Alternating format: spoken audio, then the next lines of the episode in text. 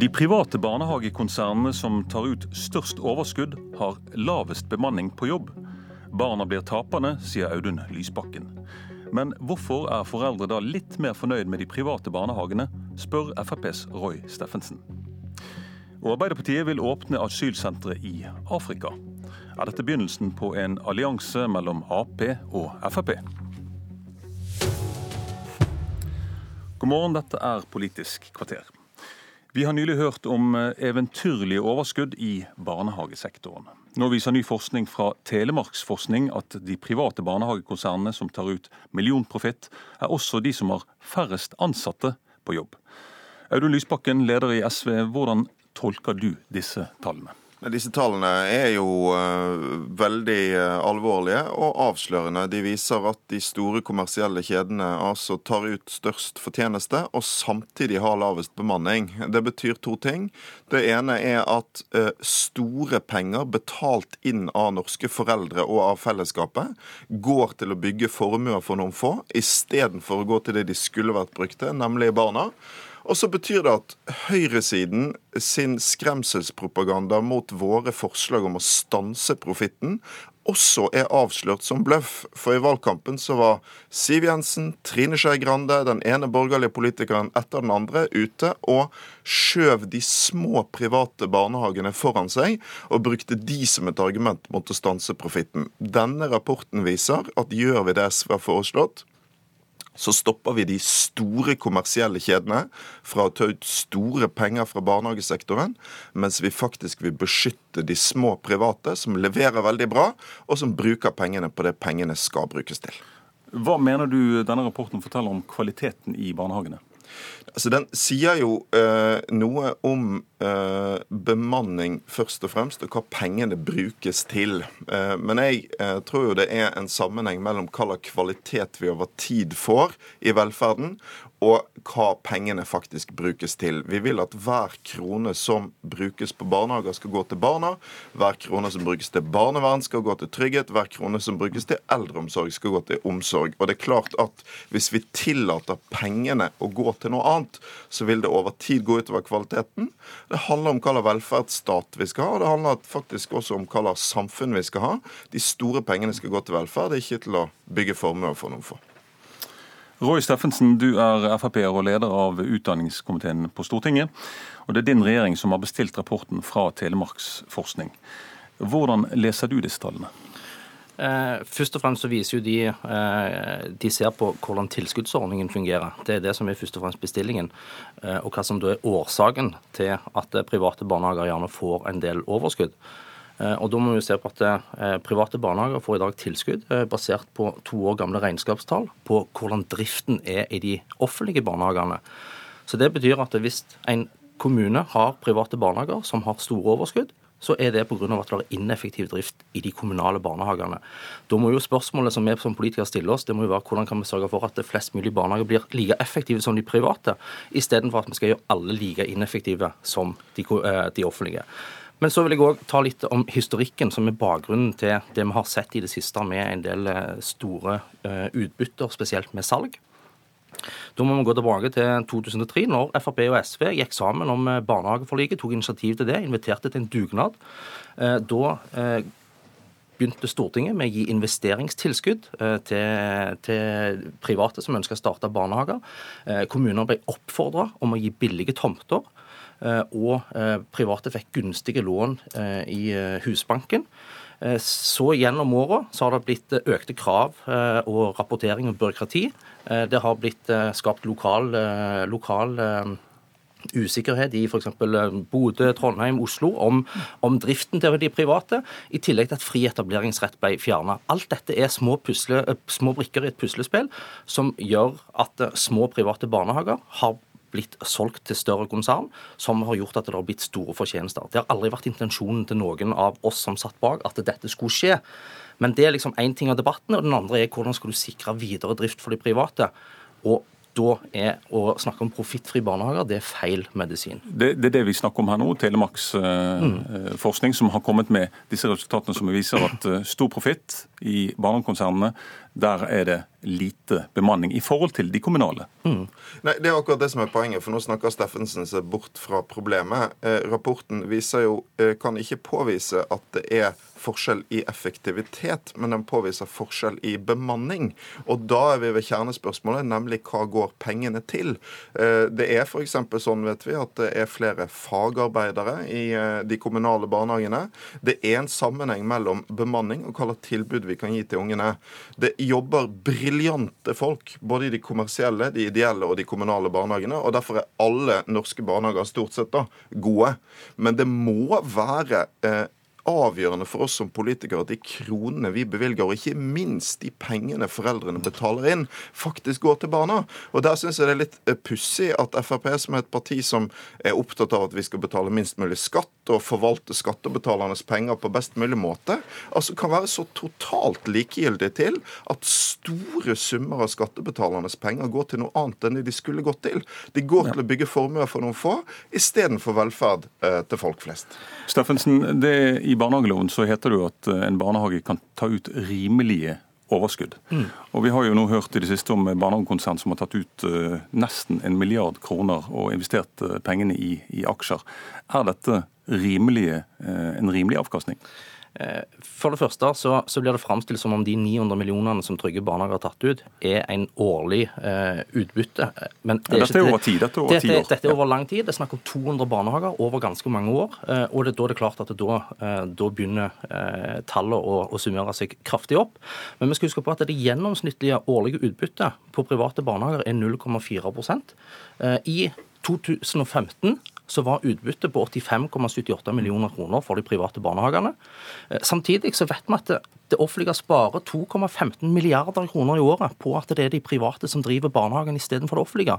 Og da er liksom løsningen, Skal da svaret være at vi skal bruke 2,15 milliarder kroner på å rekommunisere barnehager for å hindre at vi tar ut et utbytte på 85 millioner kroner? Privatisering har også ført til effektivisering, sier Steffensen. Ja, Det er det jo ikke noe eh, grunnlag for å hevde eh, i denne rapporten. Vi har bedt regjeringen igjen og igjen om å dokumentere hva pengene går til, og hvor mye som tas ut til profitt. Det blir nedstemt igjen og igjen av Steffensen sitt parti. Så ikke bare syns de det er greit at noen tar ut stor profitt, de er egentlig ikke interessert i å finne ut hvor mye penger som forsvinner ut av sektoren. Det syns jeg er en utrolig lettvint bruk og omgang med skattebetalerne sine penger. Og så må alle høre hvordan Frp argumenterer, fordi at de snakker hele tiden om private mot kommunale barnehager. Men det er ikke det som er diskusjonen her. Diskusjonen er om vi ønsker kommersiell drift. Altså at barnehager skal være big business. Vi er varme forsvarere av private barnehager. Og nettopp de tallene du la fram nå, viser jo at vi kan stoppe profitten uten at det får konsekvenser for veldig veldig mange private barnehager i Norge. For de fleste private barnehagene driver smått. De driver ikke for profitt. Og det som skjer nå, er jo at oppbyggingen av store kjeder faktisk er en trussel mot de små private. Men Lysbakken, men, Lysbakken eh, Foreldreundersøkelsen som kom for uh, to måneder siden, viste jo at foreldre som har barn i private barnehager, er litt mer fornøyd enn de foreldrene som har barn i offentlige uh, kommunale barnehager. Hvordan forklarer du det? Ja, altså igjen så skiller jo da ikke den undersøkelsen mellom ideelle og kommersielle barnehager. Så Det som er kjernen i denne diskusjonen, er ikke så lett å bruke foreldreundersøkelsen til å si noen ting om. Det som er gledelig med den, er at den viser at norske foreldre er fornøyd med stort sett alle barnehagene. Så det er et par ting der private skiller seg ut. Det gjelder bl.a. utearealer, fordi flere private barnehager er nye, og mat, fordi private barnehager kan ta ekstra penger for mat. Så det skulle bare mangle. Ellers er den forskjellen ikke stor. Men det, eh, hvis vi skal snakke om målinger som viser viser seg om stemningen i folket igjen og igjen, er jo at det er et stort flertall som støtter vårt forslag om profittforbud. Og eh, vi ser nå, når disse tallene kommer på bordet, at det er lavere bemanning hos de som tar ut høyest fortjeneste. Det er helt konkrete fakta. Og da må vi sørge for at pengene går til det de skal gå til. De skal gå til barna, de skal ikke gå til rike eiere. Vil dere gjøre noe med profitten i barnehagene? Først må jeg si at Lysbakken her viser jo en fantastisk mangelfull forståelse for hvordan det private næringslivet fungerer. For det at hvis du, hvis du fjerner muligheten til, til å ta ut fortjeneste, profitt, så vil du òg eh, ta vekk muligheten til at de private vil engasjere seg og investere i sektoren i det hele tatt. Så et forbud mot profitt vil sørge for at de private vil dø ut. Det er halvparten av, av, av markedet, og det er der foreldrene men, men mest Du pekte jo nettopp sjøl på hvor mange av de private som ikke tar ut utbytte i det hele tatt. Det som driver mange til å drive barnehager, er engasjementet. Og det som er forskjellen på denne sektoren og vanlig privat næringsliv, er at den er finansiert og betalt av foreldrene sjøl og skattebetalerne. Da er det ikke rimelig at noen skal kunne ta ut profitt på de pengene. De pengene skal gå til barna. Der fikk du siste ord i denne debatten, Audun Lysbakken.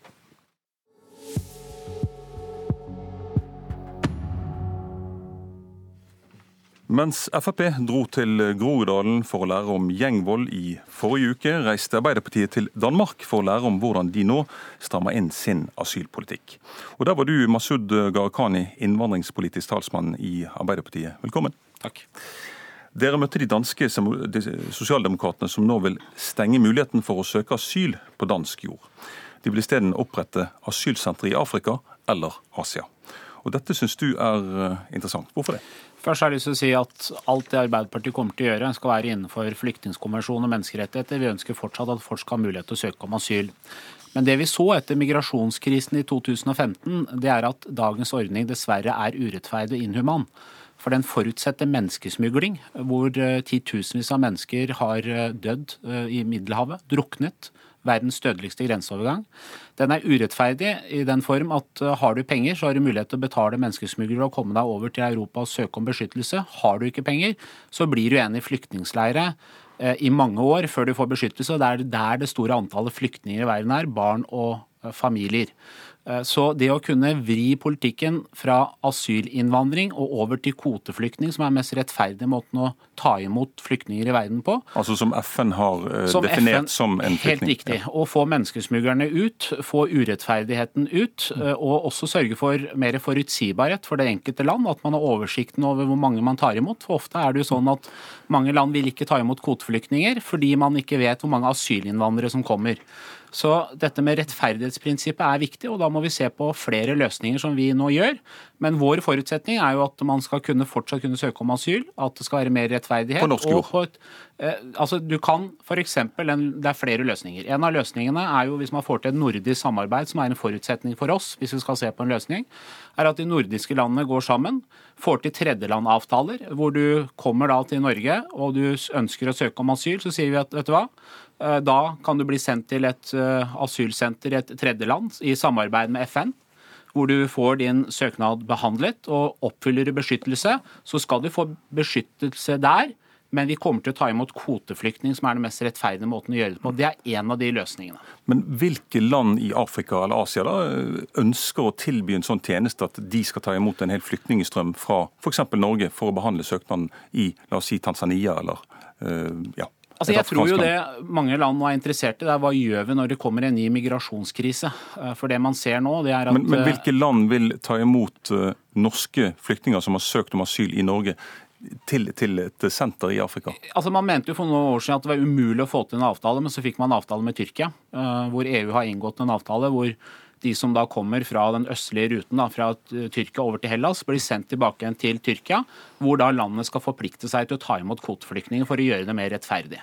Så Det viser at det er mulig å få det til, men vi mener at skal vi gå og se nærmere på det, så må vi få til en nordisk modell hvor rettssikkerheten ivaretas. Hvor vi sammen ser på dette med gode eh, prosesser. Hvor vi får til mer rettferdighet, menneskesmuglerne ut, denne eh, inhumane reisen ut. Eh, og tenke hvordan kan vi ta vår internasjonale forpliktelse på en bedre måte. Din partileder Jonas Gahr Støre har sagt at eh, han ønsker ikke en dansk løsning i Norge. Hvordan kan du si dette som talsmann for innvandringspolitikken i Arbeiderpartiet da? Altså Jonas og jeg er enige om at vi må se på ulike løsninger. og Det er det vi har sagt at det å tro at et enkelt land som Norge eller Danmark skal gjøre det alene, er ikke mulig. Derfor må vi se på nordisk samarbeid, og så løfte det opp på et europeisk nivå hvor mer rettferdighet og mer bærekraftighet er i den prinsippet der. Og Husk på det at eh, vi kommer til å komme nye migrasjonskriser i tida fremover. Vi ser at i Afrika så får man en enorm befolkningsvekst, hvor mange av de som da vil ta den reisen over, vil ikke oppfylle flyktningkonvensjonen. Da vil mange land bruke store penger på å returnere. Det vil gå utover bistandsbudsjettene, det vil gå utover det å bruke penger på å ta imot eh, kvoteflyktninger, som er en viktig prinsipp for oss. Det høres ut som dere og Frp kan eh, finne sammen i en mulig fremtidig innvandringspolitikk med dette? Nei. Nå må vi sette strek, Masud. Takk for at du stilte i studio. Mosid Masud Gharahkhani her i studio, Ole Renat Omvik.